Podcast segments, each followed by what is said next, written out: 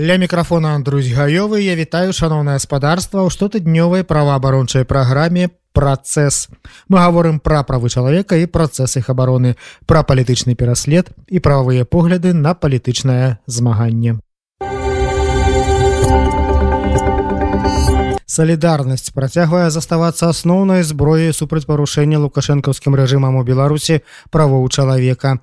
І найперш у цяперашніх умовах салідарнасці патрабуюць людзі, якія за свае палітычныя погляды і барацьбу за іх адстойвання зняволеныя лукашэнкавымі паслугачамі за краты. Праваабронца вясны Яна распавядае пра яшчэ адзін спосаб падтрымкі зняволеных. Гэта пасылкі. Іх можна даслаць тым, хто ўтрымліваецца ў следчых ізалятарах Беларусі на нават з-за мяжы. Паслухайце што пры гэтым варта ведаць. На сённяшні дзень за кратамі утрымліваюцца больш за 1440 палітычных зняволеных. Нягледзячы на тое што кожны дзень десяткі беларусаў вымушаны з'язджаць з беларусі пакідаючы свой дом яны працягваюць рознымі магчымымі спосабамі падтрымліваць палітвязняў адзін з такіх спосабаў пасылкі з рознымі прыемнымі дробязямі. Дасылаць пасылку за мяжы можна палізняволеным суд над якімі яшчэ не адбыўся а прысуд не ўступіў у сілу. Актуальныя адрасы палітвязняў можна знайсці на сайце праваабарончага цэнтру весна тым вязням якія ўжо адбываюць тэрміны ў калоніі пасылкі могуць дасылаць толькі сваякі. Для пасылак за мяжы ёсць некаторыя абмежаванні. Так да першага красавіка 2023 года норма адной пасылкі за мяжы складае 31 кілаграм а кошт усяго што перасылаецца павінен быць не болей тысячи еўра Мы раем рабіць невялікія пасылкі коштам до 30-40 еўра.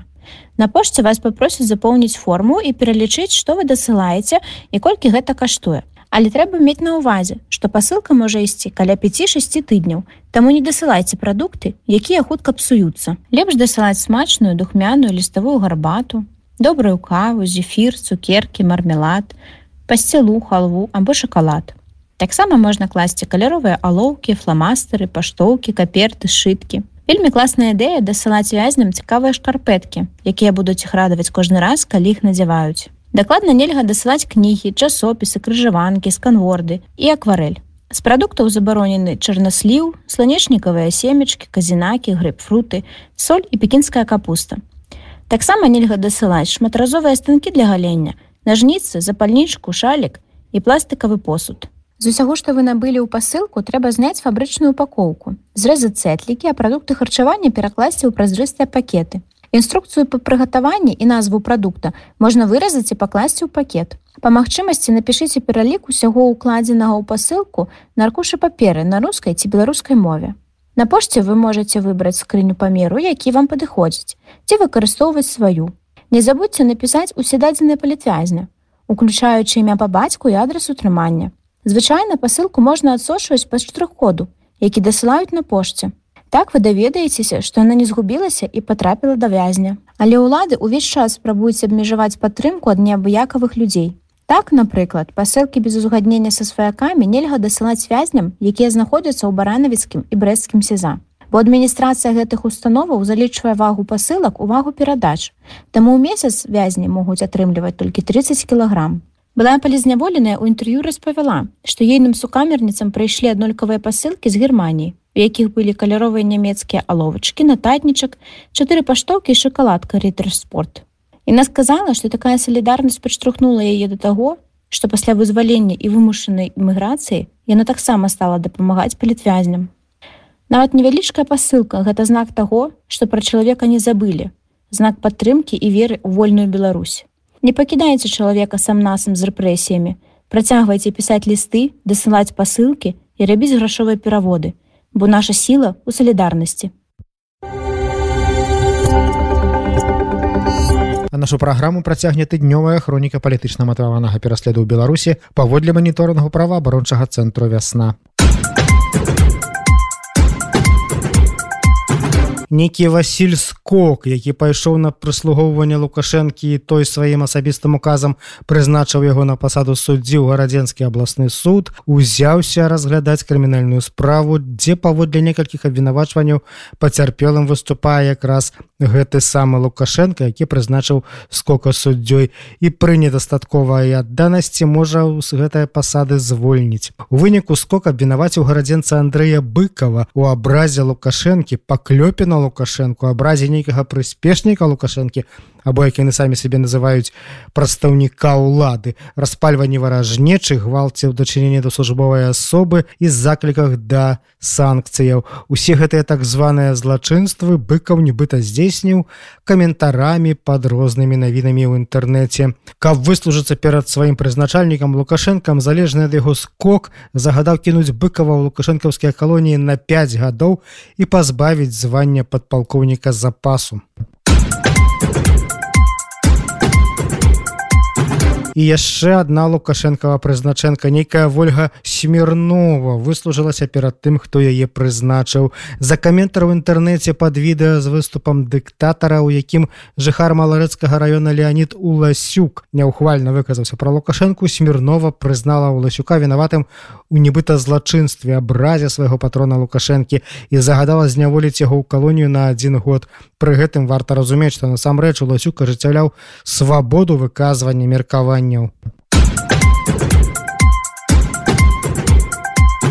А нейкі Дмітрый гвозд з нясвіжа, які таксама падаўся ва ўслужэнне лукашэнку і той сваім указам прызначыў яго на пасаду суддзі паквітаўся з жыхаром нясвіжу Евгенам мірасём за тое, што ён, карыстаючыся наданай яму ўсе агульнай дэкларацыяй правоў чалавека свабодай выказвання меркаванняў, змясціў у адным з тэлеграм-чатаў негатыўную ацэнку лукашэнкі. Гэта гвозд інтэрпрэтаваў як абразу лукашэнкі за якую пастанавіў зняволіць мірася на два гады ў лукашэнкаўскія ж калоніі За рэалізацыю права на ўдзел у мірным сходзе ў 2020 годзе нейкая Тацяна Фячук, якую асабіста Лукашенко таксама прызначыў на пасаду суддзі, абвінаваціла жыхара фаніпаля ігара пастухова ў здзяйсненні злачынства удзеле ў групавых дзеяннях, якія група парушаюць грамадскі парадак. Нібыта ідучы падчас мірнага сходу ў калоні па адной з волес, ён перакрываў рух транспарту. Насамрэч паводле міжнароднага права правах чалавека пры правядзенні мірных пратэсных акцыяў улады абавязаныя ўжыць захады для перанакіравання транспартных плыняў такім чынам каб забяспечыць выкананне права грамадзян на мірны сход прадугледжанага ўсеагульнай дэкларацыі правоў чалавека і міжнародным пактам аб грамадзянскіх і палітычных правах. Але фятчук назвала пастухова злачынцам і пастанавіла зняволіць яго на год у лукашэнкаўскія калоніі агульнага рэжыму режиму.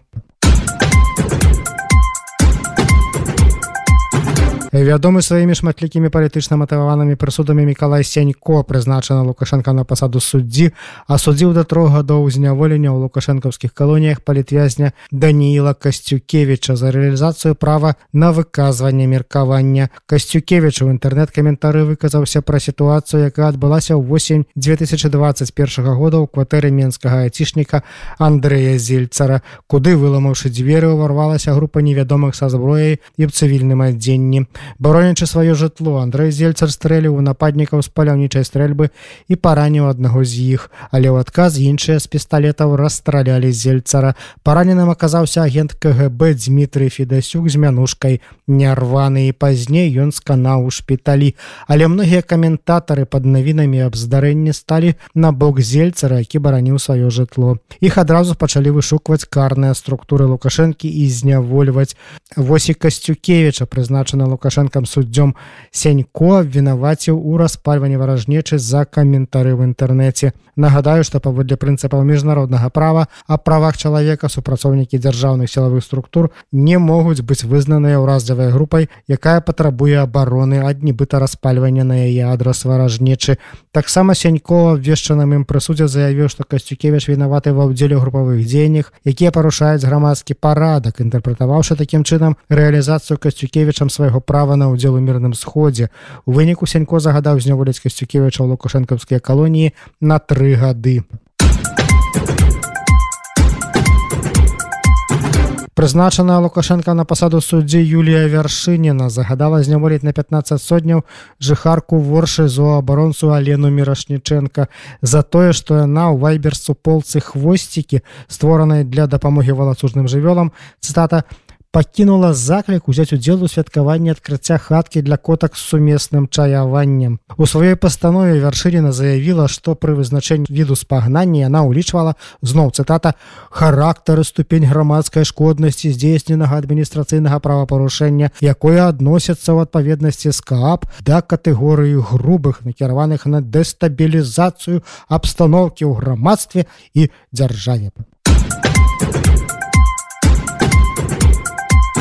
яшчэ одна персона якая праславілася сваім шчыраваннем на ніве палітычных рэпрэсіяў супраць беларусаў алена мяснік якую лукашенко калісьці прызначыў на грашовую пасаду суддзі. І калі адчуе што яна не надта дастаткова выслужваецца у любы момант можа з гэтай пасады звольніць пастанавіла зняволіць на тры гады мінчука александра емельянова за нібыта абразу якраз лукашэнкі і распальванне варажнейшы гэтыя нібыта злачынства емельянаў здзейсніў рэалізуючы свабоду выказвання меркаванняў. Нагадаю што ў правы аднесеныя міжнародным правам а правах чалавека да разраду свабодаў дзяржава не мусіць увогуле ўмешвацца На тыдні праваабарончая супольнасць беларусі вымушаная была прызнаць палітычнымі зняволенымі яшчэ 22 чалавекі. Гэта Віктор савашевич александр сазонаў евген васілеўскі мікіта карпенко Масім ярашенко константин ханін андрей быкаў святлана бычковская андрей рускіх дмітрий лагуценко василь ермакоў павел ракоца андрей шкляр Яўген Бурло, Дмітрый Галавач, Андрей Ярэмчык, Владимир Бучкавец, Александр Сумар, Дмітрый Сцяпанаў, Юрый Самсонаў, Яўген Глушкоў, Уладзіслаў Яцэнка. Такім чынам, станам на 27 лютага ў Беларусі за кратамі ўлады ўтрымліваюць 1452 чалавекі, прызнаныя праваабарончай супольнасцю палітычнымі зняволенымі. На гэтым сёння наш час вычарпаны. Я Андрусь гаёвы з вами развітваюся пачуемся ў наступнай праваабарончай праграме працэс